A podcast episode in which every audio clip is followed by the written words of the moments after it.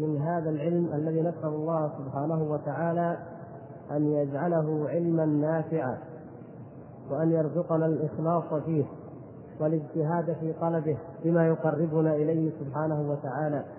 إنه سميع مجيب.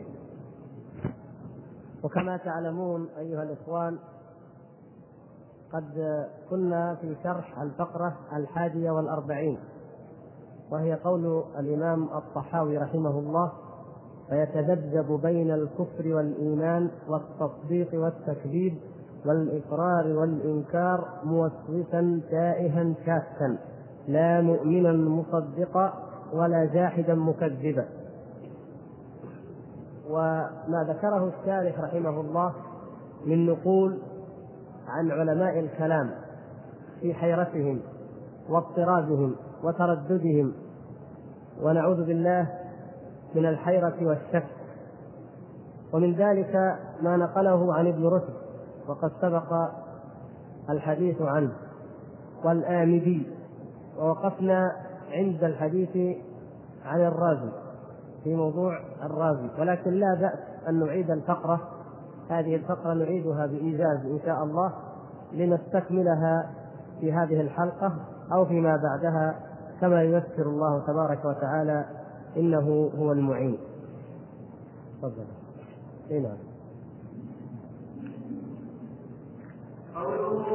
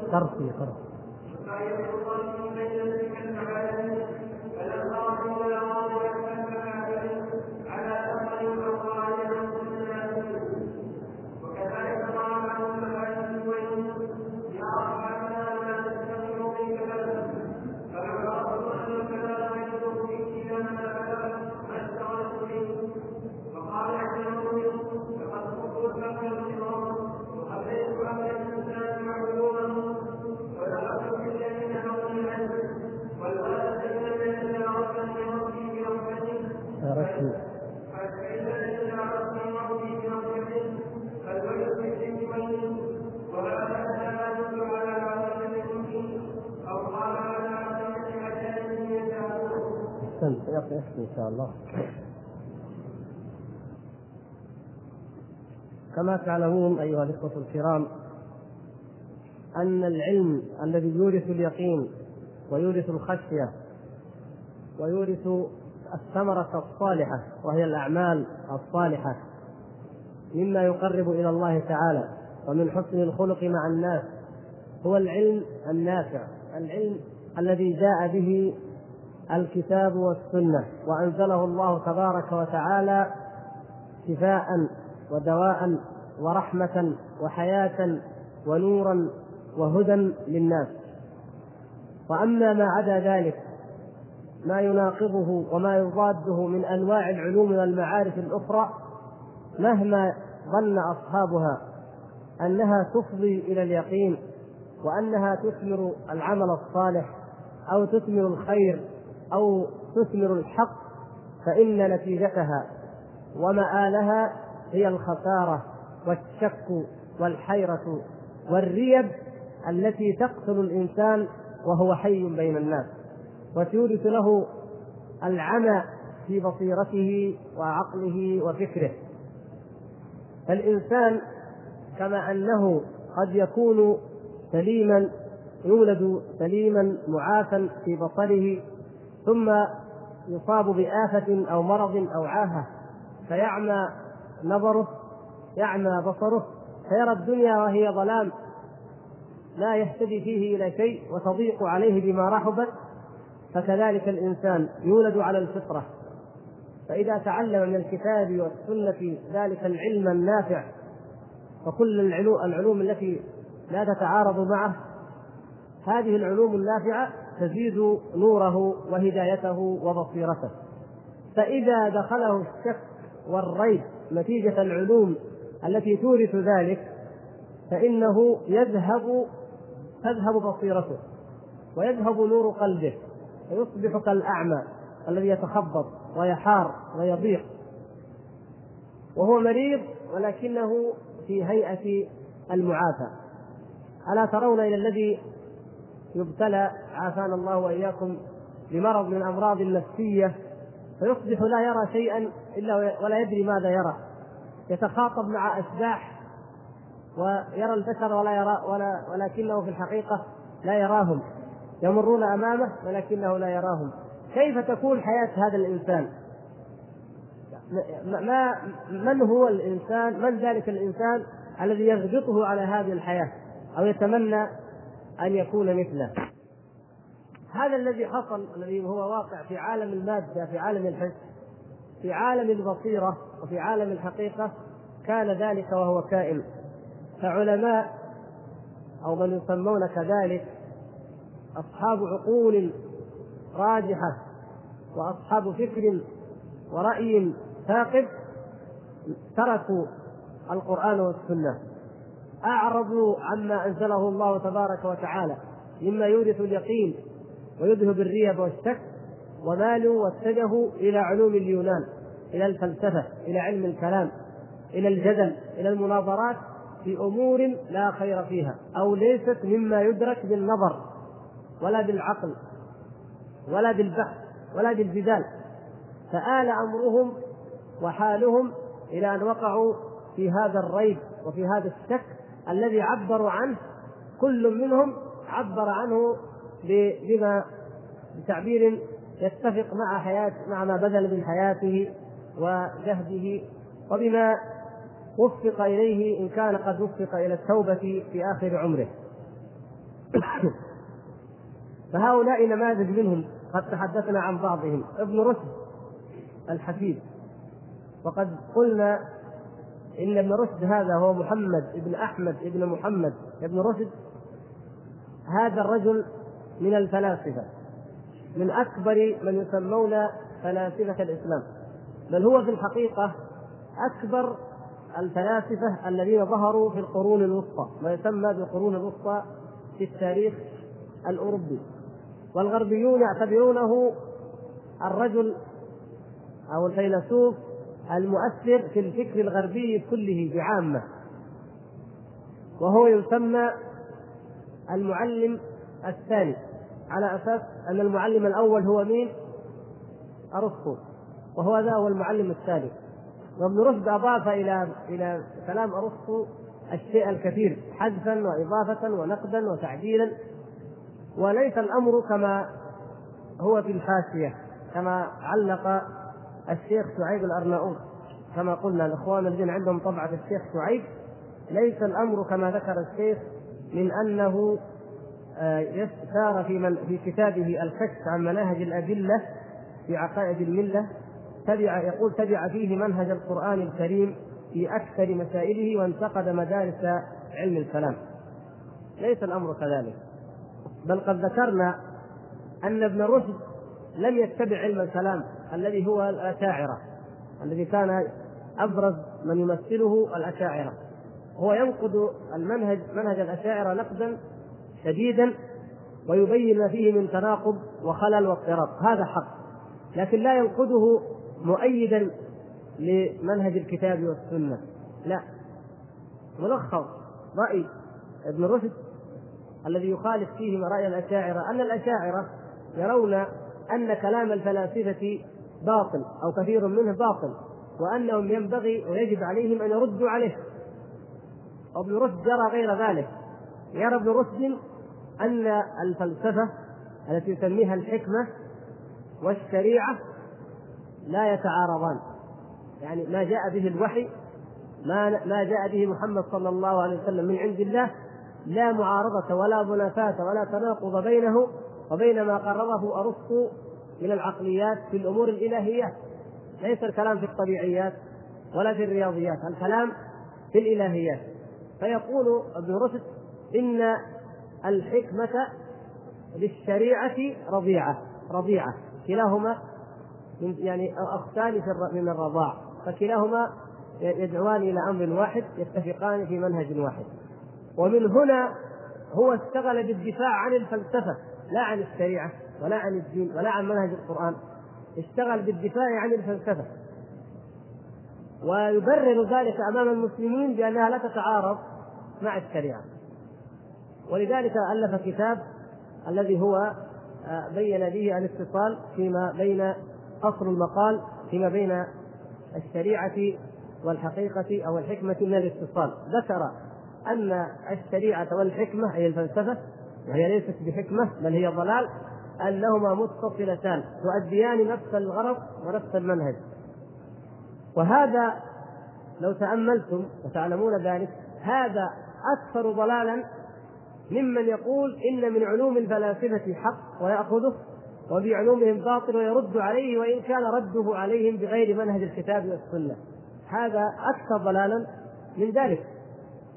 فيقول ابن رشد ومن الذي قال في الإلهيات شيئا يعتد به؟ هذه كلمة هذه فلسفة فلسفة لسان أراد الله تعالى أن يظهر بها الحق وإلا فإنه لا يقرها بالنظر إلى حياته ومنهجه لا يقرها لكنه قالها لحكمة من الله عز وجل وهو الإقرار بالحق يأتي على جميع الألسنة. والإنسان لو ترك فطرته على على السجية لنطقت بالحق.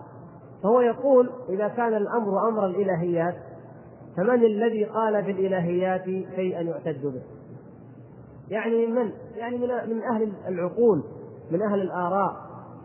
أما الحق في هذا الباب في باب الإلهيات الحق الخالص النقي فإنه في كتاب الله وفي سنة رسوله صلى الله عليه وسلم. رسول الله محمد صلى الله عليه وسلم وهو أكمل الناس عقلا وفهما لم يكن يعلم عن هذا الأمر شيء لم يكن يعلم شيئا حتى أنزل الله تبارك وتعالى عليه جبريل محمد صلى الله عليه وسلم بالرسالة. فلهذا قال ووجدك ضالا فهدى. فحصلت له الهداية من الله تبارك وتعالى بهذا النور. وإلا فما كان يدري ما الكتاب ولا الإيمان. ما كان يعرف عن ربه عز وجل هذه المعرفة العظيمة إلا لما نزل عليه الوحي وهو أكمل الناس بلا شك عقلا وفهما. وصحابته الكرام هم أعظم الناس رأيا وعقلا وفكرا. ومع ذلك كيف كانت حياتهم في الجاهلية؟ تعلمون جميعا كيف كانت؟ لما نزل القرآن ولما اتبعوا هذا الرسول وأخذوا من نوره واقتبسوا من العلم الذي جاء به أصبحوا أعقل الناس وأعلم الناس وأفضل الناس وأكمل الناس في الإلهيات في معرفة الله تبارك وتعالى. فمن الذي قال في الإلهيات شيئا يعتد به؟ غير الرسل من غير الرسل من غير طريق الوحي؟ لا أحد. لم يأتي أحد بشيء ابدا. والآمدي. تذكرون ما قلنا في ترجمة الآمدي في الحلقة الماضية؟ تذكرون ذلك؟ أيضا بالمناسبة التعليق الذي ذكر هنا. إن, إن من كان منكم لديه كتاب لسان الميزان لعله إن شاء الله موجود لسان الميزان حافظ بن حجر جدير بكم أن تعودوا إلى ما ذكره عن الآمدي. كما ذكر هنا الجزء الثالث صفحة 134 الجزء الثالث صفحة 134 من لسان الميزان. فيه ترجمة الآمدي وحياته. عن ترجمته وحياته. لسان الميزان كما تعلمون ألفه الحافظ ابن حجر زيادة وتعقيبا واستكمالا لكتاب الميزان ميزان الاعتدال. لمن؟ الحافظ الذهبي. الذهبي رحمه الله يقول في اللسان صح عنه عن الآمدي أنه كان يترك الصلاة. نسأل الله العافية. صح عنه أنه كان يترك الصلاة. ماذا أجاب ماذا بين الحافظ ابن حجر رحمه الله في لسان الميزان؟ يقول قرأت بخط في تاريخ الإسلام. بخط الحافظ الذهبي نفسه صاحب الميزان في تاريخ الإسلام. عن شيخه فلان عن شيخه فلان عن شيخ شيخه يعني أنه كان يحضر مجالس الآمدي سيف الدين الآمدي. قال فأردنا أن نمتحنه. رأوه يتخلف عن الصلاة ولا يدون هل يصلي أم لا؟ فأرادوا أن يمتحنوه فوضعوا الحبر في رجله. فمكث أكثر من يومين وهو باق لم يذهب. فعلموا أنه لا يتوضأ ولا يصلي نسأل الله العافية. فماذا كان يقول الآمدي؟ كان يجلس ويقرر المسائل العظيمة في علم الكلام وفي الأصول وفي الجدل والمناظرة والبحث. حتى أن العز بن عبد السلام يقول ما تعلمت أصول البحث والمناظرة إلا من السيف الآمدي. وكان يحفظ المستصفى وغيره ولا الوسيط وغيره من من الكتب الأصول. وهي من أعقد وأصعب العلوم. كان يحفظها وله كما هو معلوم كما تعلمون كتاب الإحكام في أصول الأحكام نفس الشيء أيضا في الأصول. فكان متبحرا في العقليات في الجدليات في النظريات في علم الكلام وفي الأصول. ولكنه كان حاله في الدين هو هذا. وليس الأمر كما قال الشيخ هنا ثم حسده جماعة من فقهاء البلاد وتعصبوا عليه ونسبوه إلى فساد العقيدة وانحلال الطويه اللي يقرأ كلام تعليق الشيخ شعيب هنا يقول إن الأمر أمر حسد ناس حسدوه. لا الواقع أن الرجل إذا قرأتم ترجمته في لسان الميزان تجدون أن الأمر ليس أمر حسد وإنما العلماء أو الفقهاء اجتمعوا وكتبوا عليه محضرا بفساد العقيدة والطويه وميله إلى آراء الفلاسفة. هذا الرجل سيف الدين الدين الآمدي كان إمام الأشعرية في عصره إمام علم علماء الكلام في عصره. وكان يقول العز بن عبد السلام الشيخ المعروف يقول لو أن زنديقا جاء ليجادل المسلمين لم برى أو لوجب أن أن ينبري الآمدي لمناظرته. قوة في الجدل مستعد أن يناظر أعظم الزنادقة الذين يطعنون في الإسلام أو ينتقدونه بالحجة كما يظنون هكذا بالحجة العقلية. لكن حاله في نفسه نسأل الله أن يعافينا وإياكم. هو لا صلته بالله تعالى هي كما سمعتم ومع ذلك لديه من الاستعداد العقلي أن يناظر عن أمور الدين. الأمر اذا ليس أمر عقليات وكلاميات وحفظ مسائل وحفظ متون ولا جدل وإنما الأمر أمر إيمان ويقين. العلم إذا لم يثمر الإيمان واليقين وتقوى الله تبارك وتعالى وخشيته في السر والعلم فلا خير فيه. فهذا دليل على أن ذلك العلم خبيث. العلم نفسه خبيث. من حمل هذا العلم وإن كان العلم حقا ولكن كانت نيته نيته لغير الله عز وجل فإنه لا ينتفع به. فكيف إذا اجتمع الأمران؟ علم لا ينفع ونية فاسدة. نسأل الله العفو والعافية. كيف ينتفع بهذه العلوم؟ وقيسوا يا إخوان على هذا نظريات علم الاجتماع وعلم النفس والقوانين القوانين الوضعية بجميع أنواعها النظريات القانونية. وأكثر هذه العلوم التي تسمى العلوم الإنسانية. لا تثمر هدى ولا صلاحا. ولا فلاحا ولا خيرا لمن يقرأها. يتعمق فيها ويناقش الأدلة ويرد من كلام هذا ويأخذ من كلام هذا ويؤلف قد تكون مجلدات أو يحصل على أعلى الشهادات ولكنها لا خير فيها. لا خير فيها ولا فائدة من ورائها أبدا.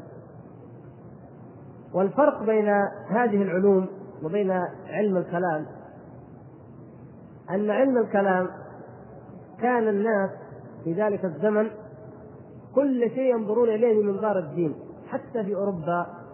طبعا كان ذلك أكثر بعد في أوروبا.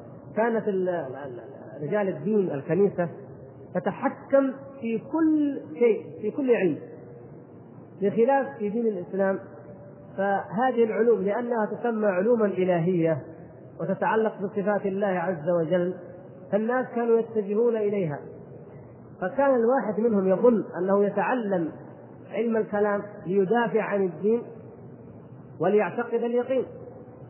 هذا تذكرون ما مر معنا في الدرس الماضي يعني قولهم لماذا لماذا يشتغلوا بعلم الكلام وأن هذا علم نافع وأنه مثل علم النحو ومثل علم الفقه وأمثال ذلك من العلوم التي طورت ودونت وأحدثت آه، مصطلحات جديدة. يعني علماء الكلام كانوا يظنون ذلك. العلماء المعاصرون اليوم في في الاجتماع والقانون والنفس وأمثال ذلك يأخذونها على أنها آراء لهم هم. ما يعتقدونها أنها لتقرب إلى الله. ما يقولونها لانها هي الحق الذي يريده الله. يقولون على أساس أنها هي العلم الانساني الذي لو انتظمت الحياة عليه لصلحت الحياة الإنسانية. لأنهم يؤمنون مسبقا بأن الدين لا دخل له في شؤون الحياة ولا يمكن أن ينظم الحياة ولا يصلح في عصر الحضارة والتطور. لكن يقولون الإنسان ارتقى في في الماديات في التقنية فكذلك يجب أن يرتقي أو هو ارتقى في في القانون وفي الاجتماع وفي الفلسفة. فهم يريدون أن هذا يواكب هذا مع اعترافهم مع اعتراف عقلائهم أو كبارهم بأن هذا الجانب الإنساني قاصر جدا عن مجاراة التفوق في الجانب المادي. لأن الجانب المادي هو مما خلق الإنسان وخلق عقله ليعمل فيه. أما الجانب الآخر فهو مما حجب وعقل عنه العقل البشري. فالنتيجة واحدة. لا إيمان ولا تقوى ولا خشية ولا صلة بالله تبارك وتعالى. هذا هو الآمدي والغزالي هو أبو حامد الذي مر الحديث عنه في حلقتين ماضيتين وأنه انتهى آخر أمره إلى الوقت والحيرة في المسائل الكلامية. تذكرون الكتاب الذي ألفه في آخر عمره وهو كتاب إيه؟ إلجام العوام عن علم الكلام. فهو كتبه ليبين أن علم الكلام لا يؤدي إلى الثمرة التي يظنها الناس منه. على ما في كتاباته من من اضطراب وتناقض أشرنا إليه. لكن المهم أنه أقبل على حديث رسول الله صلى الله عليه وسلم ومات وصحيح البخاري على صدره. هذا هو أول منزل. أول منزل وآخر منزل يجب على الإنسان أن يسير فيه من منازل الطريق هو الكتاب والسنة. ليس وليس الأمر كما قال عندما ظن أن أول المنازل هو التصوف. ثم يقول الشيخ وكذلك أبو عبد الله محمد بن عمر الرازي. الرازي هذا قلنا لكم إنه له عدة أسماء.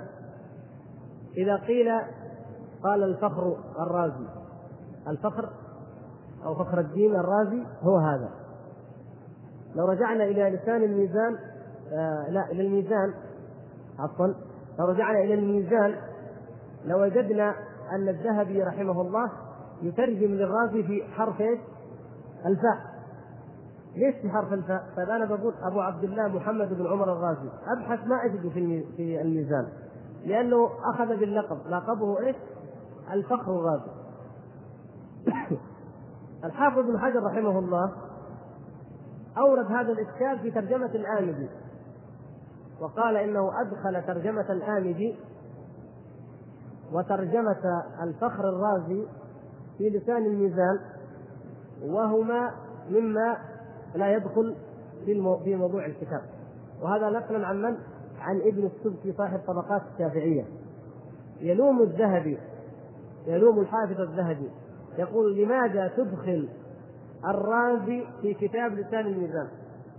لسان الميزان موضوعه كما تعلمون ليس هو الثقات ليس الموثقين من العلماء موضوعه المتكلم فيهم أو المجروحين. وإن ك... وإن لم يكن الجرح بغض النظر عن كونه حقا أو خطا خطا أو صوابا لكن هو موضوعه هو هذا. فلماذا يدخل الفخر الرازي وهو ليس من أصحاب الرواية؟ يقول رجل لا علاقة له بالرواية ولا بعلم الحديث فلماذا يدخل؟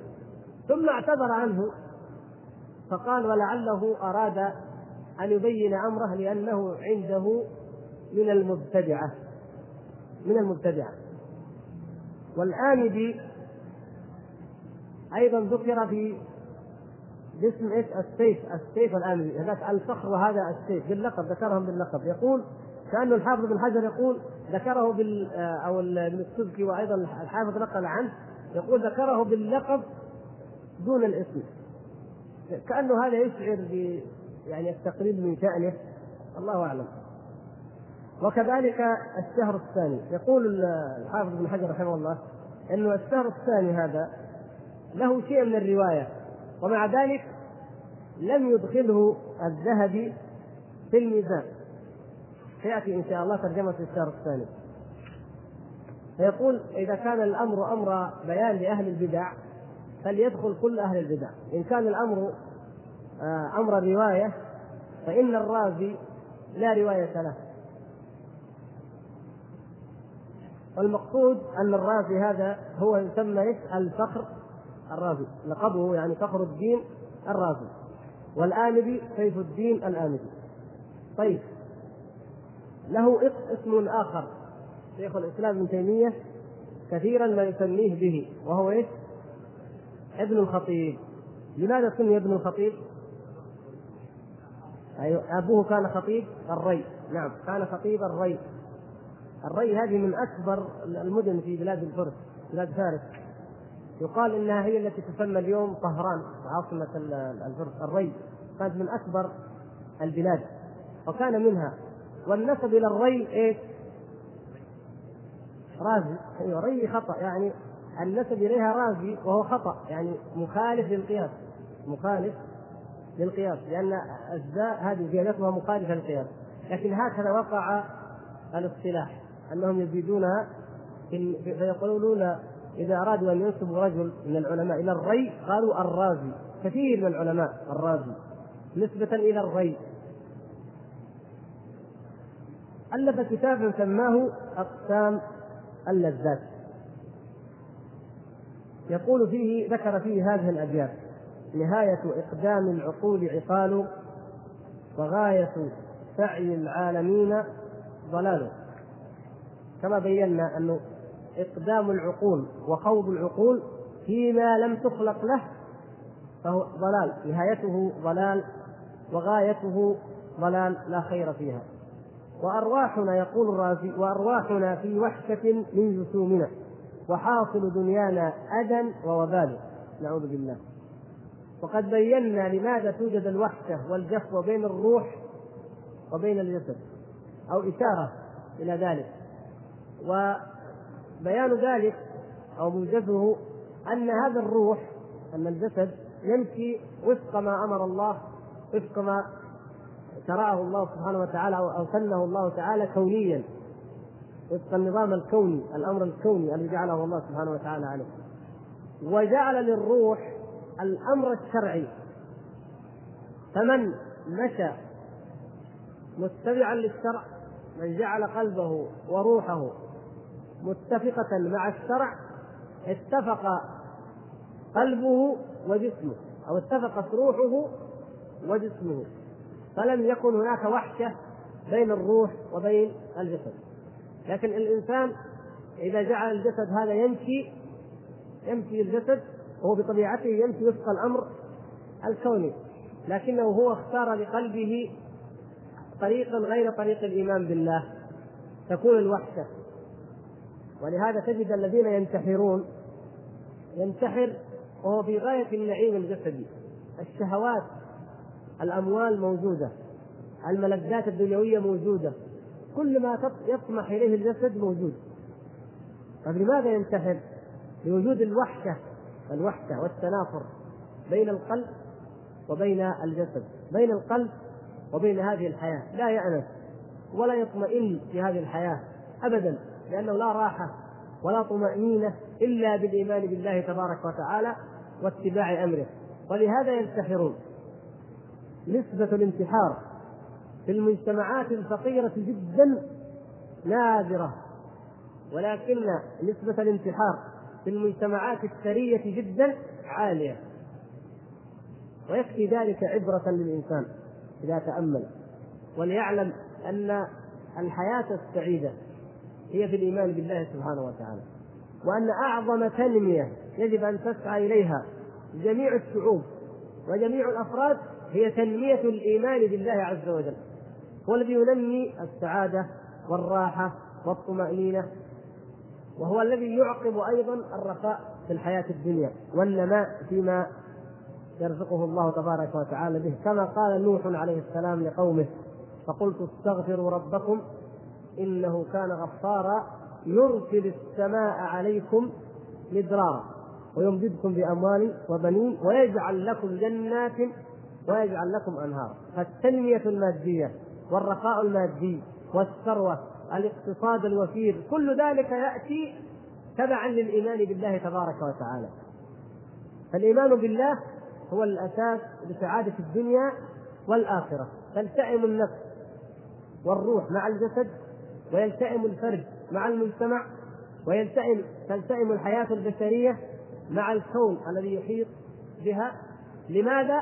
إذا وجد لأن الصلة بالله عز وجل موجودة وهذا خلق الله هذا خلق الله سبحانه وتعالى لما ننظر إلى حتى كيف كيف كان أصحاب النبي صلى الله عليه وسلم والرسول صلى الله عليه وسلم التآلف يصل بين بين المؤمن بالله عز وجل وبين الماديات ليس فقط مع مع الأشخاص. المنبر الجذع النخله يحل لأن النبي صلى الله عليه وسلم ترك الخطابه كيف التآلف الإنسان إذا أطاع الله عز وجل حتى الكون المادي حتى أحد أحد جبل نحبه ويحبنا. هذا جبل حجارة. يعني أي واحد منا يفكر إنه هذا الجبل له إحساس يحب أو يبغض. لكن إذا وجد الإيمان بالله عز وجل حتى الأمور المادية حتى سيارتك حتى ما تتعامل معه من أمور الدنيا يكون هناك شيء كأنه في نوع من العلاقة وأنت لا تدري ما هي هذه العلاقة ما سر هذه العلاقة. لكن أنت أصلح العلاقة مع الله عز وجل أصلح صلتك بالله عز وجل. فكل هذا الكون خلقه سبحانه وتعالى وكل هؤلاء البشر عبيده سبحانه وتعالى يسخرهم كما يشاء. لكن إذا فسدت العلاقة مع الله عز وجل وانقطعت الصلة بالله عز وجل النصرة النصرة مع الزوجة مع الأولاد مع الزملاء في العمل مع الحياة جميعا مهما كانت العلاقة ومهما كانت الصداقة. الأخلاء يومئذ بعضهم لبعض عدو إلا المتقين يتلاعنون في النار يتلاعنون ويتخاصمون. وكل منهم يقول أنت وأنت أنت السبب وهذا يقول أنت السبب. هكذا كل محبة في هذه الحياة الدنيا. المقصود أنه يقول وأرواحنا في وحشة من جسومنا وحاصل دنيانا أذى ووبال. ولم نستفد من بحثنا طول عمرنا سوى أن جمعنا فيه قيل وقالوا. عافانا الله وإياكم. هذا هو علم الكلام. قيل وقالوا فإن قيل قلنا وهذا هو هذا هو كل ما في الأمر لكن هل هذا الكلام يصدر عن يقين؟ هل هذا الكلام يصدر عن اعتقاد؟ هل هذا الكلام نافع؟ هل هو علم مثمر؟ ليس شيئا من ذلك. المشايخ جو الشيخ علي والشيخ عبد الله إن شاء الله يعينون على بعض الترجمات التي قد لم نجدها إن شاء الله.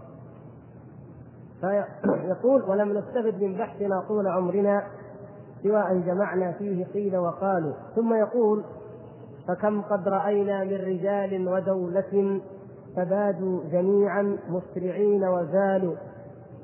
وكم من جبال قد علت شرفاتها رجال فزالوا والجبال جبال. انظروا ما يمكن أن نسميه يقظة الروح أو يقظة الضمير. لما يتفكر الإنسان في أمر مصائر الناس هذه من أكثر ما يورث اليقين في القلب. ولو أن الرازي فطن إلى هذا الأمر وحده كما ذكر في هذه الابيات لا أغناه. العبر كثيرة. هذه العبرة الله سبحانه وتعالى يكررها في القرآن لأنها عظيمة لأنها مؤثرة. تفطن وتفكر في الأمم الذين من قبلك. في من قد خلا قد خلت سنن تسير في الأرض. فانظروا كيف كان عاقبة الذين من قبل انظروا إلى الآثار التي خلفها الذين من قبلكم. انظروا أو قد خلت من قبلكم سنن فسيروا في الأرض. الله تعالى هكذا أمر قد خلت من قبلكم سنن فسيروا في الأرض. فانظروا كيف كان عاقبة الذين من قبلكم. الرومان الفرس الصينيون الأشوريون البابليون الفينيقيون الفراعنة. كذا كذا كذا أمم حضارات دول ذهبت وزالت كما يقولون سادت ثم بادت. هذا المصير ألا ألا يكفي ألا يثير العبرة لكل ذي قلب لكل ذي عقل. إن في ذلك لذكرى لمن كان له قلب أو ألقى السمع وهو شهيد. حال القرون التي أهلكها الله سبحانه وتعالى من قبلنا. تنقبوا في البلاد هل من محيص لكن أين القلوب التي تتذكر وتعتبر؟ الرازي في في لحظة اليقظه هذه يقظة الضمير أو يقظة الروح استطاع أن يعبر عن هذه القضية عن هذه العبرة. إذا تفكر الإنسان وتأمل فكم قد رأينا من رجال ودولة فبادوا جميعا مسرعين وزالوا وكم من جبال قد علت شرفاتها رجال فزالوا والجبال جبال. هكذا. الحياة هذا شأنها. انظر إلى البحر. كم ركبه وكم طوى فيه وهو بحر. الأرض التي ترونها اليوم. كم علاها من أقوام وكم سار فوقها. ربما كان أحدهم يتبختر في مشيته وكأنه لن يموت. وكأنه كما قال الله عز وجل انك لن تخرق الأرض ولن تبلغ الجبال طولا لكنه كان يظن ذلك كان يشعر بذلك. ثم في الأخير أين هو الآن؟ المعري وكان من كبار الملاحدة يقول خفف الوطأ ما أظن أديم الأرض إلا من هذه الأجساد. يقول من كثرة من مات كأنه أديم الأرض طبق العليا من الأرض تراب الأرض ما هو إلا ركام الأجساد الذي التي كانت تسير عليها ثم ماتت وبادت.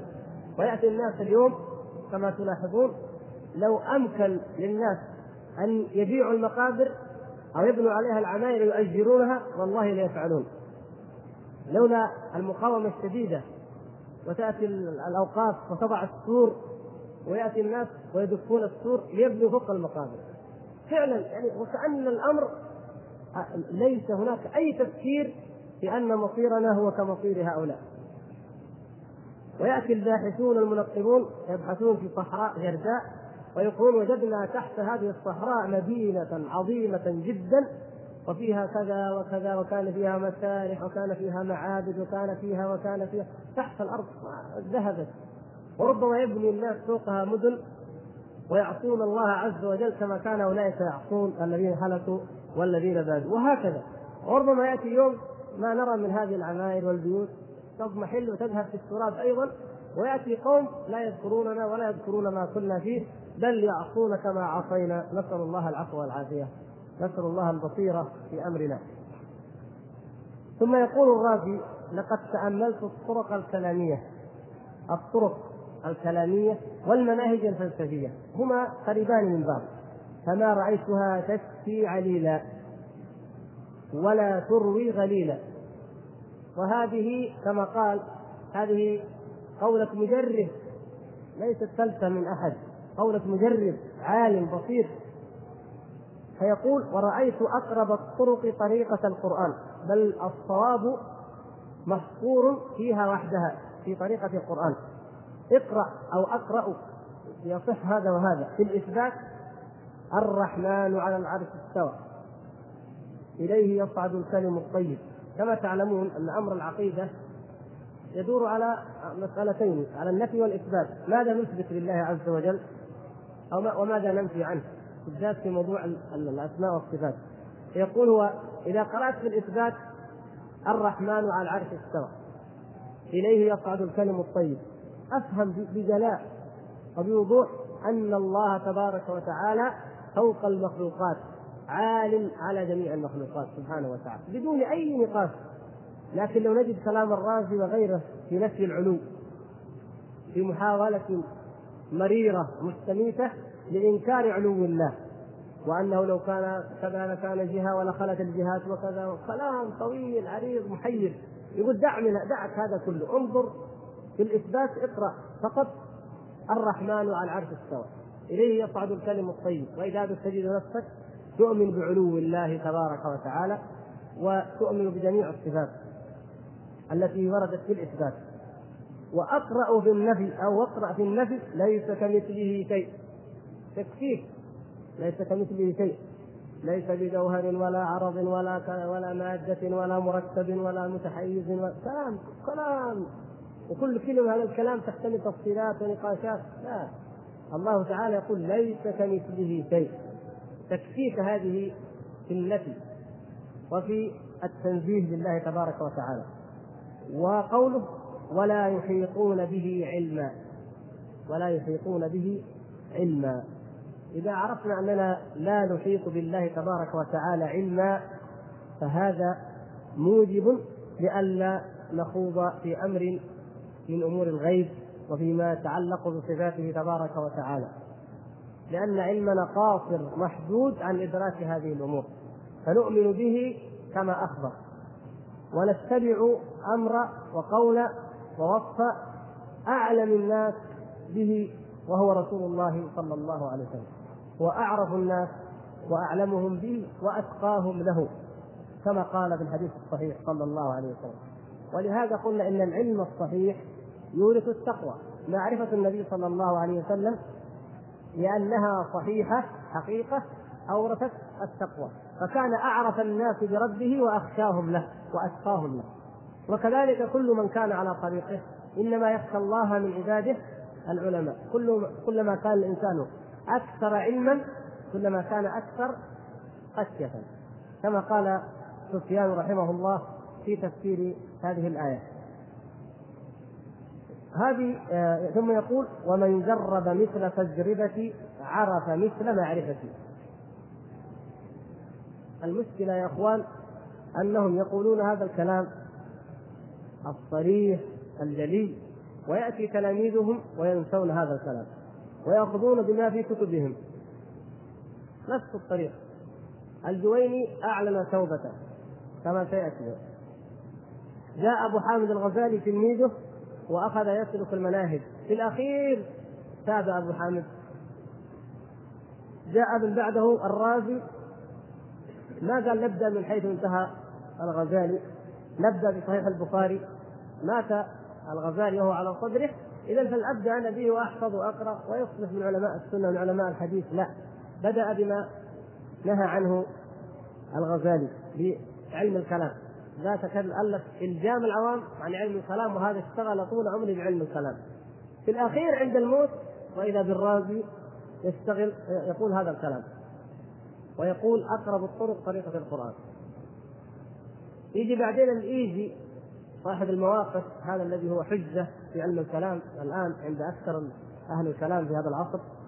الإيجي ترك كلام الرازي هذا الأخير وأخذ ينقل من كلامه في الأربعين ومن كلامه في أي فيما لا يقدر عليه إلا الله سبحانه وتعالى هذا دينا وتوحيدا لا بد منه. واستغناؤك عن المخلوقين فيما يقدرون عليه هذا من باب كمال الإيمان. كما أرشد النبي صلى الله عليه وسلم بعض الصحابة إلى ذلك حتى أن أحدهم كان يسقط منه الصوت وهو يسوق دابته فلا يطلبه من أحد بل يقف وينزل ويأخذ الصوت ولا يقول لأحد ناولني هذا الصوت. هذا من كمال الإيمان ومن كمال الاستغناء عن المخلوقين. لكن لا يقدح في التوحيد أن يقول أعني. ولا يقدح في التوحيد أن تقول أعانني فلان أو استعنت بفلان. لا هذا من كمال الإيمان وكمال الاستغناء عن المخلوقين واللجوء إلى الله تعالى وحده. أما الاستعانة التي هي شرك مناف للتوحيد فهو أن يستعين أحد بغير الله فيما لا يقدر عليه إلا الله ولا سيما مع غياب ذلك المستعان به. كأن يدعو ميتا يا بدوي أعني على كذا أو أعطني كذا. البدوي ميت ولا يسمعك وهذا أمر لا يقدر عليه إلا الله سبحانه وتعالى فهذا هو الشرك الأكبر بعينه نعوذ بالله. وهذا هو الذي يدخل في باب الشرك أن تسأل مخلوقا فيما لا يقدر عليه إلا الله عز وجل ولا سيما إذا كان غائبا. وحتى وإن كان حاضرا في أمر لا يقدر عليه إلا الله كما يقول بعض الناس مثلا الإيمان. الإيمان الله سبحانه وتعالى هو الذي يزود الإنسان بالإيمان ويقوي إيمانه. فبعض الناس يعتقد أن شيخه يملك أن يزيد في إيمانه والعياذ بالله. هذا لا يملكه إلا الله. فلو استعان أحد بشيخه على أن يقوي على تقوية إيمانه وقال علمي يا شيخ قوي إيماني يا شيخي والعياذ بالله لكان هذا أيضا من الشرك. فيجب أن نفرق بين ما يدخل في باب الشرك وما هو مجرد يعني من باب عمل المندوب أو كمال الإيمان. وإذا قلت استعنت بفلان فلا حرج. إذا كان فعلا أعانك في أمر من أمور الدنيا التي يقدر عليها المخلوقون ويتعاونون بها فيما بينهم. يقول الأخ مراتب الإسلام الثلاثة الإسلام الإيمان الإحسان. هل بين كل مرتبة والتي يتليها حد فاصل بحيث يتدرج المرء بينها متنقلا من مرتبة إلى مرتبة أم أنها متداخلة؟ وبهذا المفهوم ما هو تحديد الإسلام فعلا وتركا؟ وكيف ينتقل الإنسان منها من مرتبة الإسلام إلى مرتبة الإيمان؟ هذه المراتب إن كان الأخ يقصد أنها آه، يوجد حد فاصل أي أنها يوجد بينها فواصل واضحة جدا بحيث أن نقول إن هذا انتقل من هذه إلى هذه بشكل تحديد واضح معين. فلا وإن كان يقصد أن هناك علامات أو أمارات جعلها الشارع تدل على أن هذا الإنسان درجته الإيمان أو الإسلام أو نحو ذلك فنعم. الامر ليس بالتحديد الذي قد يتبادر إلى أذهاننا بحيث أننا نقول هذا الإنسان تجاوز مرتبة الإيمان الآن هو في مرتبة الإحسان أو هو في مرتبة الإيمان وليس في مرتبة الإسلام. لأن ما دام أن بينها عموم وخصوص النسبة بين هذه الثلاثة عموم وخصوص. يعني الإسلام أعم. لذلك بعض السلف لما أراد أن يشرح هذه الحقيقة روي عن علي بن الحسين رسم دائرة كبيرة كذا ودائرة كذا كذا دائرتين ها؟ قال هذا الإسلام الإسلام دائرة أكبر الإيمان دائرة أخف. فهكذا. تتداخل نعم يعني الصلاة الصلاة مثلا. هذه عمل يدل عليه على الإسلام يعني هي من أعمال الإسلام. تارك الصلاة كافر. إذا صلى فهو مسلم. في نفس الوقت الصلاة قد تكون علامة إيمان وقد تكون علامة إحسان. وسماه وسماها الله تبارك وتعالى إيمانا. حين قال وما كان الله ليضيع إيمانكم. أي صلاتكم إلى بيت المقدس في أول الإسلام. فهذه المرتبة ومرتبة الإحسان ها هنا. العلاقة بينها أنها عموم وخصوص. من حيث الأفراد الإحسان أخف والإيمان خاص والإسلام عام. من حيث المعنى فنجد أن مثلا ناخذ حديث جبريل أوضح شيء حديث جبريل عليه السلام هو آخر الأحاديث في الإيمان. وقد جاء جبريل إلى النبي صلى الله عليه وسلم كما في رواية ابن مندة وهي رواية صحيحة على شرط مسلم جاء في آخر عمره صلى الله عليه وسلم. فهو اذا ناسخ لما قبله أو شامل لما قبله من الأحاديث في الإيمان. سأله عن الإسلام كما هي في الروايه الأرجح اولا فأخبره قال الإسلام أن تشهد أن لا إله إلا الله وتقيم الصلاة وتؤدي الزكاة وتصوم رمضان وتحج البيت. وان محمد رسول الله. يعني الإسلام الأركان الخمسة. قال بعد ذلك إيش؟ أخبرني عن الإيمان. فأجابه بإيش؟ بالأركان الستة. أن تؤمن بالله وملائكته وكتبه ورسله واليوم الآخر وبالقدر خيره وشره. ثم سأله عن الإحسان فقال له أن تعبد الله كأنك تراه. فإن لم تكن تراه فإنه يراك. فذكر له النبي صلى الله عليه وسلم هذه المراتب الثلاث ووضح كل مرتبة من هذه المراتب. هل يمكن يكون الإنسان مؤمنا بالله وملائكته وكتبه ورسله وهو لا يصلي ولا يزكي ولا, يشهد أن لا إله إلا الله؟ ما يمكن هذا الشيء. فإذا هناك إيش؟ شيء من التداخل لأن هذا أخص من هذا. الإيمان مبني على تحقيق الأعمال الإسلامية الظاهرة. التي هي يعني أركان الإسلام الظاهرة التي هي الصلاة والحج والزكاة. وكذلك يعني, يعني لا يمكن أن يكون الإنسان مؤمنا وهو لا يؤدي الأركان العملية الظاهرة. وفي نفس الوقت لا يمكن أن يكون الإنسان مسلما وهو لا يؤمن بالله وملائكته وكتبه ورسله واليوم الآخر. لكن الإيمان مرتبة أعلى نعم الإيمان أعلى. لأن المنافقين أو نقدر نقول الفطرة الإنسانية التركيبة الإنسانية التي ركبها الله سبحانه وتعالى يمكن للإنسان أن يعمل ظاهرا عمل وهو يبطل خلافه. يعني الواقع واقع المنافقين واضح جدا. أنه يصلي يشهد أن لا إله إلا الله نعم أن محمدا رسول الله يصلي يزكي يحج يصوم ولكنه غير مؤمن. هذا واقع. لكن هل يمكن أن يكون الإنسان مؤمنا حقا بالله وملائكته وكتبه ورسوله واليوم الآخر وهو لا يصلي؟ لا يمكن. مستحيل ابدا. يعني إذا وجد الإيمان الحقيقي فإن العمل يوجد. اذا إيمان القلب هو الأساس. وهنا نعرف أن درجة الإيمان أعلى. درجة الإيمان أعلى. ولهذا قال النبي صلى الله عليه وسلم التقوى ها هنا وأشار إلى صدره ثلاث مرات. قال في الحديث الآخر ألا وإن في الجسد مضغة إذا صلحت صلح الجسد كله. وإذا فسدت فسد الجسد كله. ألا وهي القلب. فأرجع الإيمان إلى إلى القلب.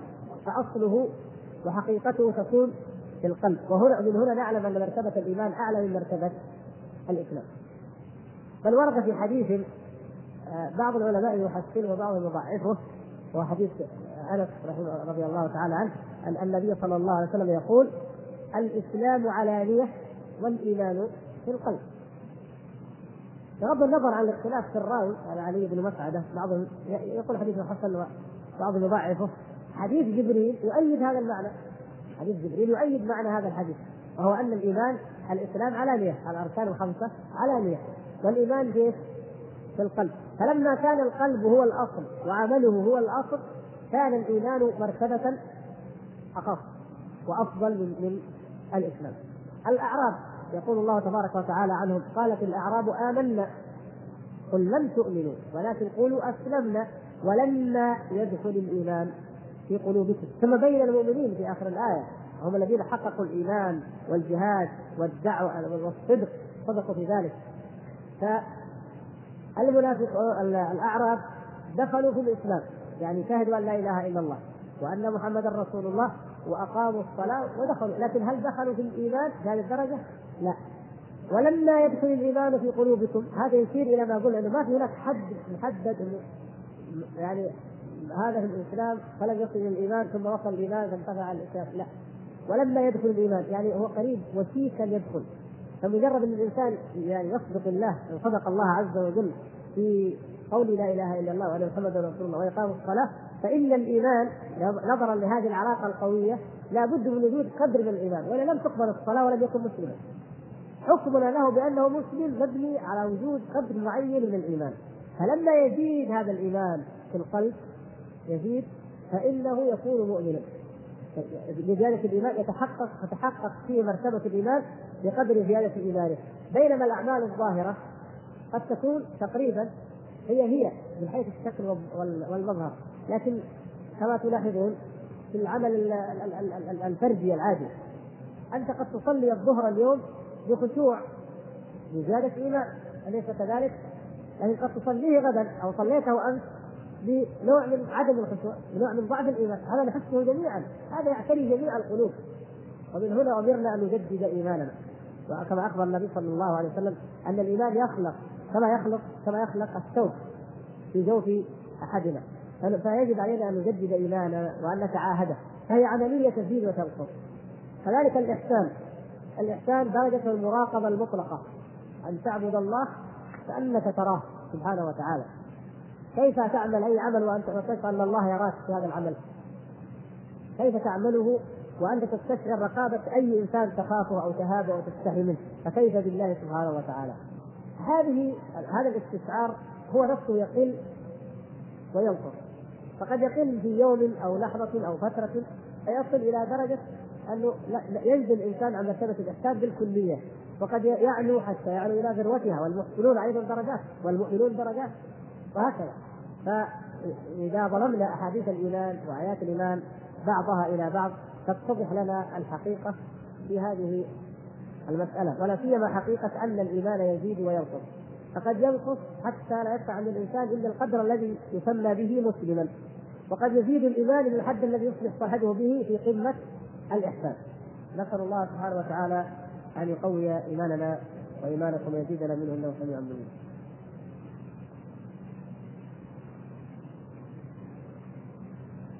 هذا الأخ يسأل سؤال ما أدري هو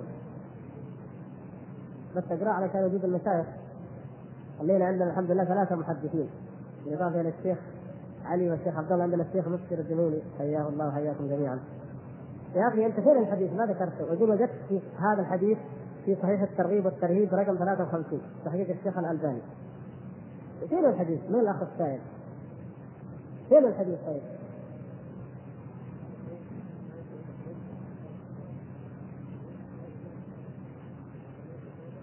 إيش هو الحديث؟ آه الحديث يقول الأخ لا يقبل الله عمل صاحب بدعة حتى يدع بدعته خلاص أنا عرفنا الحديث. يقول وجدته في صحيح الترغيب والترهيب رقم 53 تحقيق الشيخ الألباني.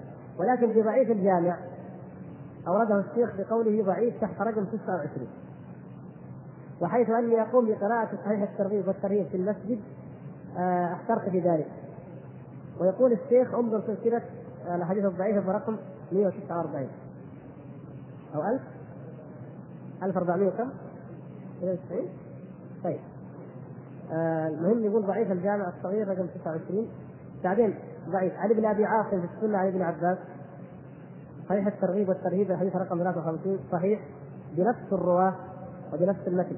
في عن ابن أبي عاصم في السنة عن ابن عباس اورده في سلسلة الحديث الضعيفة بهذا الرقم. يعني خلاصة. إن كان الأخ يريد أن يقول إن الشيخ الألباني جزاه الله خيرا ونفعنا بعلمه ذكر في موضع أنه ضعيف وفي موضع أنه صحيح مع أن أنه نفس المتن والسند. هو كذا تجسد فلا يستبعد منها يعني هذا. لا يستبعد. إما أن يكون الشيخ في موضع نظر إلى تعدد الطرق وفي موضع نظر إلى طريق واحد وإما أن يكون أخطأ فكلنا بشر ونخطئ. ما في هذا ما في شيء يعني. واما إن كان الأخ يسأل عن الحكم فالحكم يعني المعنى مثلا هل هل يقبل الله سبحانه وتعالى من صاحب البدعة عمل؟ لأن إذا كان لفظ الحديث لا يقبل الله تعالى من صاحب بدعة عملا حتى يدعها. لو نظرنا إلى المعاني الكلية والأحاديث الصحيحة الأخرى لوجدنا أن هذا الحديث معناه صحيح. والذي أذكره أن الطرق التي ذكرها ابن أبي عاصم أن بعضها يشد بعضا. عاصم في كتاب السنة حققه الشيخ ناصر. لكن نحن بغض النظر عن هذا الحديث وطرقه نقول هل الحكم هذا صحيح أو خطأ؟ هل يقبل الله تعالى من صاحب بدعة عمل أو لا يقبل؟ أذكر أيضا في سنن ابن ماجه حديث لا يقبل الله من صاحب بدعة صرفا ولا عدلا. انظروا إلى الحديث الصحيح المتفق عليه الذي روي عن النبي صلى الله عليه وسلم من عدة طرق حتى قال الإمام أحمد إنها متواترة أو هي متواترة قوله صلى الله عليه وسلم في الخوارج تحقرون صلاتكم إلى صلاتهم وعبادتكم أو قراءتكم إلى قراءتهم هل تنفع الخوارج قراءتهم؟ هل تقبل منهم عبادتهم؟ لا تنفعهم لا تنفعهم صلاتهم ولا تنفعهم عبادتهم هذا مما نستدل به على أن صاحب البدعة لا تقبل منه الطاعة والعبادة. لكن متى؟ إذا كانت البدعة غليظة كبدع الخوارج. فأصحاب البدع الغليظة لا تقبل عبادتهم نعم. وأما البدع الخفيفة التي قد لا يخلو منها الانسان هذا على كل حال في آخر. لكن البدع الغليظة كبدع القدرية مثلا كبدع الخوارج كبدعة المرجئة الغلاة نفاة الصفات هؤلاء لا تقبل منهم أعمالهم. انظروا إلى ما قال الله تعالى في المنافقين وهؤلاء أهل البدع هم اقرب والصق الناس بهم. الله سبحانه وتعالى لم يتقبل نفقات المنافقين. وما, وما منعهم أن تقبل منهم نفقاتهم إلا أنهم كفروا بالله وبرسوله ولا يأتون الصلاة إلا وهم كسالى. ولا ينفقون إلا وهم كارهون. نفقات المنافقين لا تقبل منهم مع أنها عمل لوجود النفاق في القلب لوجود مرض القلب وهو النفاق وعدم الإيمان بالله سبحانه وتعالى لا تقبل منهم نفقاتهم. أصحاب البدع لا تقبل منهم الفرائض التي يؤدونها إذا كانت بهذا الشكل. ولهذا قال ابن عباس وقال ابن عمر وغيرهم من صغار الصحابة الذين امتد بهم العمر حتى أدركوا البدع. مثلا قالوا في القدرية قالوا أبلغهم أنني بريء منهم وأنهم مني براء وأنهم آه، ولو جاءوا أو لو قال لو أن أحدهم جاء بصلاة وصيام وصدقة كذا وكذا لا يقبل ذلك منه حتى يؤمن بالقدر. ولهذا حدث ابن عمر بحديث عمر رضي الله تعالى عنه وهو حديث جبريل أول حديث صحيح مسلم. فبين أنه لا يقبل منهم صلاتهم ولا أعمالهم لا تقبل إلا بالإيمان بالقدر. فهذا الأصل معلوم والأدلة عليه كثيرة قد لا يحضرني الآن الحديث عنها. جميعا. وهي أن أصحاب البدع الغليظة لا تقبل منهم الصلوات ولا الاعمال وهم بذلك كالمنافقين. عافانا الله وإياكم.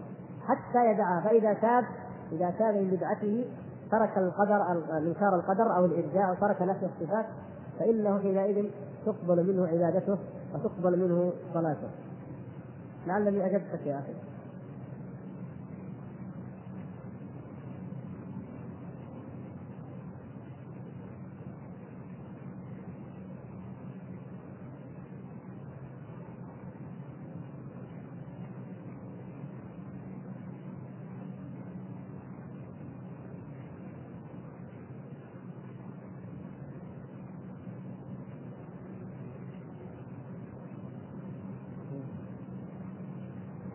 هذا الاخ يقول اظنك اطلعت على فتوى الشيخ بن باز في فك السحر من الرجل الذي يحبس عن جماع أهله السؤال إذا كان الرجل يقول أنا ليس بمسحور أنا لست بمسحور فهل تستطيع أن نستطيع أن نقرأ في الماء بدلا منه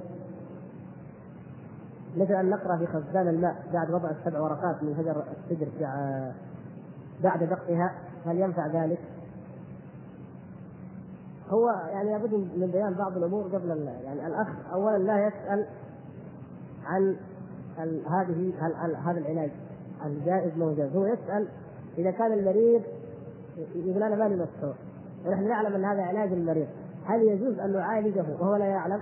هذه مسألة عادية يعني ما لها ما هي ما هي مسألة آه، أو مما يسأل عنه لمعرفة الحكم الشرعي، يعني أنت مثلا أي مريض هل يجوز لك تعطيه علاجه ولا يدري؟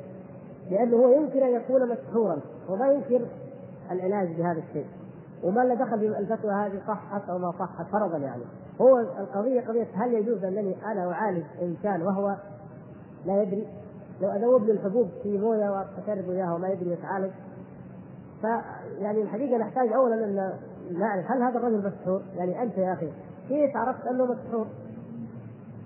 قد قد يكون صادقا عندما يقول أنا لست بمسحور قد يكون هو عقيما علميا أي أمر من أمور المرض عاهه فأنت كيف تنجم بأنه مسحور؟ طيب نقول متأكدين أنه مسحور. عرفنا يقينا أنه مسحور. هل نضع له هذا العلاج؟ أو لا نضع؟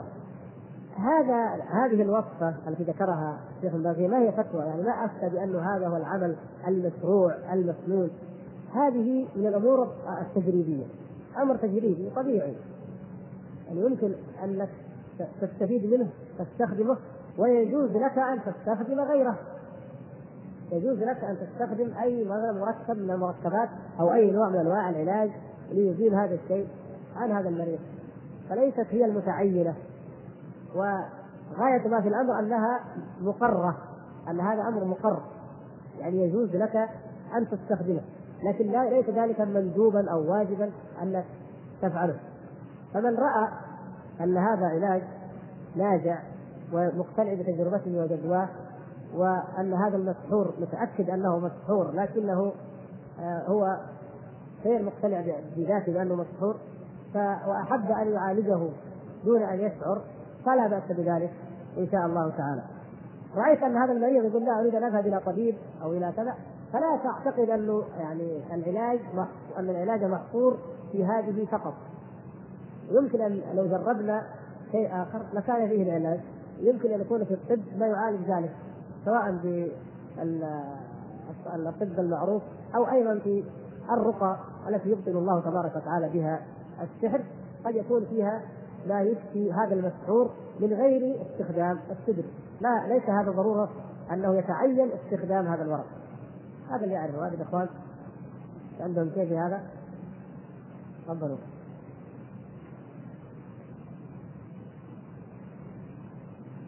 هل هناك درجة تسمى اليقين بعد الإحسان؟ هذه الأعمال القلبية كثيرة. الله سبحانه وتعالى ذكر في القرآن أنواع كثيرة من أعمال القلب. الإخلاص ذكره الله سبحانه وتعالى. الصدق طبعا كلها تعرفون الأدلة عليها. مثلا وما امروا إلا ان يعبدوا الله مخلصين له الدين. هذا درجة. مخلصين له الدين. الصدق كما تعلمون أن الله تعالى كذب المنافقين في دعواهم الإيمان لأنهم كاذبين وليسوا بصادقين. آه مثلا آه الإنابة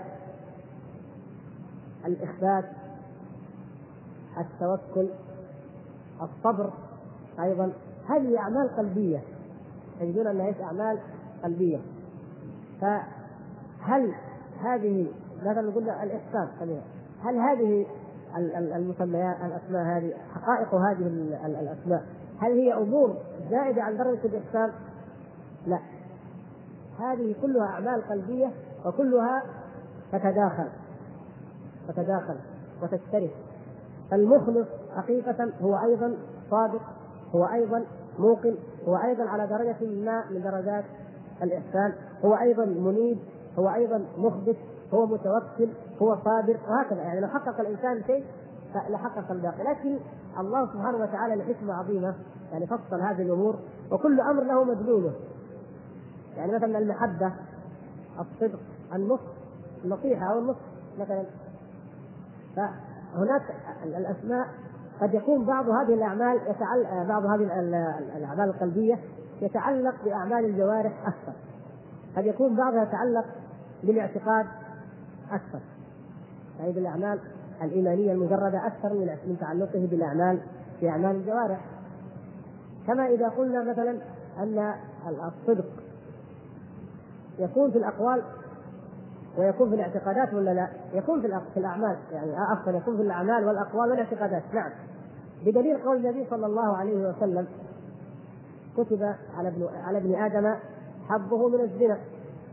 فقال العين تزني والأذن تزني ثم قال والفرج يصدق ذلك أو يكذبه. فإذا العمل الصدق يكون إيش؟ بالأعمال. لكن اليقين اليقين يكون؟ بالاعتقاد. طبعا لابد أن تظهر يعني صلاة الموقن غير صلاة الشاك نعم حياته غير حياة ذلك نعم لكن أصل اليقين في ذاته هو؟ أمر يتعلق بايش؟ بأن الإنسان يستيقن بما أمر الله سبحانه وتعالى يصدق ويقر بما أنزل الله بما قاله الله من أخبار الغيب حتى كأنه يراها وهو ليس وهو لا يراها هذه درجة اليقين فكأن اليقين أكثر تعلقا بالاعتقادات وأما الصدق فإنه يكون متعلقا بالأقوال وهكذا فنجد يعني أن هذه الأسماء كل واحد له مدلول. الصبر مثلا مدلول الصبر كما هو واضح من لفظته على نوع من التحمل ونوع من المشقة ونوع من فالصبر عمل من أعمال القلب. يصبر. يصبر على الطاعة ويصبر عن المعصية ويصبر على القدر ودرجة عظيمة وعالية. وما يلقاها إلا الذين صبروا. يعني درجة ما هو كل واحد يلقاها. الصبر درجة عالية. يتداخل الصابر مع كونه إيش؟ صادقا. لا يصبر إلا الإنسان. الصادق. الحياء. الحياء شعبة من الإيمان كما في حديث جبريل في حديث الشعب. فالحياء شعبة من شعب الإيمان. هل يكون الحياء بلا خوف؟ ما يكون. هل يكون الحياء بلا محبة؟ ما يمكن. بلا صدق؟ بلا إخلاص؟ ما يمكن. فكلها متلازمة. لكن يطلق كل منها على شيء على جانب معين. على يعني له علاقة بأمر معين غالبا. باجتماع هذه هذه الصفات في الإنسان يكون كمال الإيمان لجميع المسلمين وقد يجتمع فيه اثنين أو ثلاثة ويكون في الجانب الآخر أقل. كأن يكون الإنسان صادقا مخلصا لكنه لكن صبره أضعف قليلا. هذا قد يقع. توكله قد قد يدخله وهكذا. ولهذا كان الناس متفاوتون كان الناس متفاوتين في الإيمان. حتى أصحاب النبي صلى الله عليه وسلم متفاوتين في حقيقة الإيمان أقبلهم ذلك الصديق ثم عمر والعشرة ثم إلى أن نصل إلى الاعراب الذين هم كما سمعنا ما قال الله تعالى في شانهم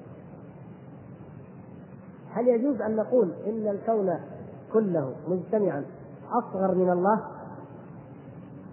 رأيكم هذا الجواب؟ نعم سبحان الله نعم إيش نقول نقول يجوز ولا ما يجوز؟ ما يجوز؟ ليش؟ الله سبحانه وتعالى يقول وما قدر الله حق قدره فالأرض جميعا قبضته يوم القيامة والسماوات مطويات بيمينه لو قال قائل إن الكون كله هذا المشهود أصغر من العرش الا يكون صادق؟ فكيف بالله عز وجل؟ الله تعالى أكبر من العرش وأكبر من كل المخلوقات والسماوات والأرض بالنسبة ما هي بالنسبة لله سبحانه وتعالى؟ إلا كالخردلة في يد أحدنا ولله المثل الأعلى. فبعض الأشياء قد يعني نستنكرها ونستغربها لكن نجي ما فيها يعني ما فيها ما يستغرب. لكن الألفاظ والتعبيرات الحديثة هي التي تدعونا أحيانا إلى نوع من الشك أو التحرز الحمد لله رب العالمين. كنا في جلسة ثم تكلم أحد الجلوس علما بأنه يقول إن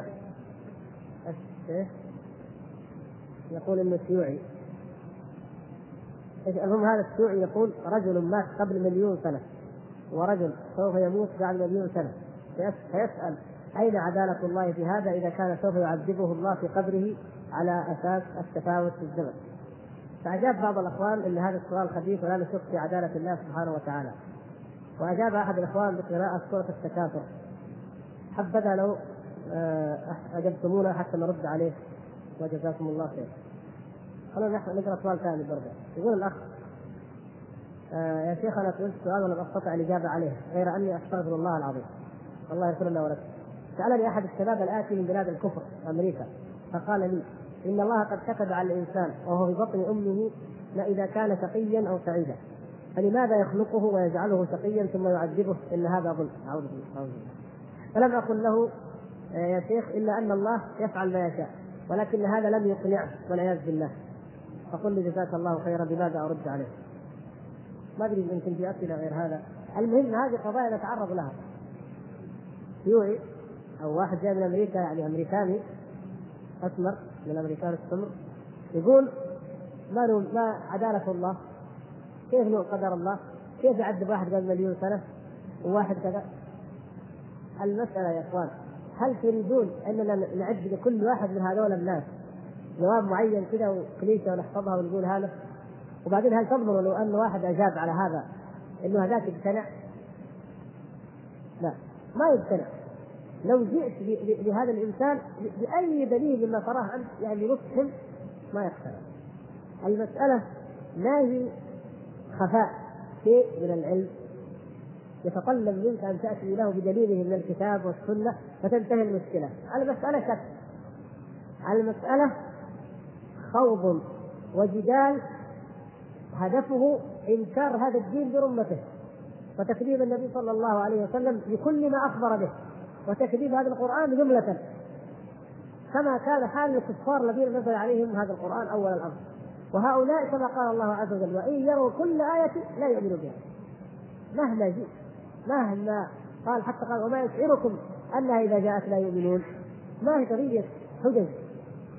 مثل هذا الكلام تقول لانسان اشتبه عليه الأمر. إنسان صائم مصلي طيب يحب الخير. اختلط عليه قال أخي والله مشكلة.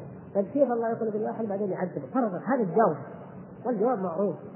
وقد سبق مرار معنا وهكذا أصحاب النبي صلى الله عليه وسلم سألوه يا رسول الله أرأيت هذه الأعمال؟ أفي أمر قد قضي؟ أم فيما يستأنف؟ فأجابهم عليه النبي صلى الله عليه وسلم وكان جوابا نهائيا وانتهى الأمر لأنهم يستعلمون ليعرفوا الحق. لكن الذي يجادل بالكبر في صدورهم إلا كبر هؤلاء الناس لن نقنعهم. لو وجدنا على هذا السؤال وعلى الثاني وعلى الثالث ما هي دليل الجواب؟ القضية قضية أصل الدين مفقود عندهم. هذا الإنسان ما دام لا يؤمن بالله وكما يقول الاخ إنه يقول إنه شيوعي أو يقال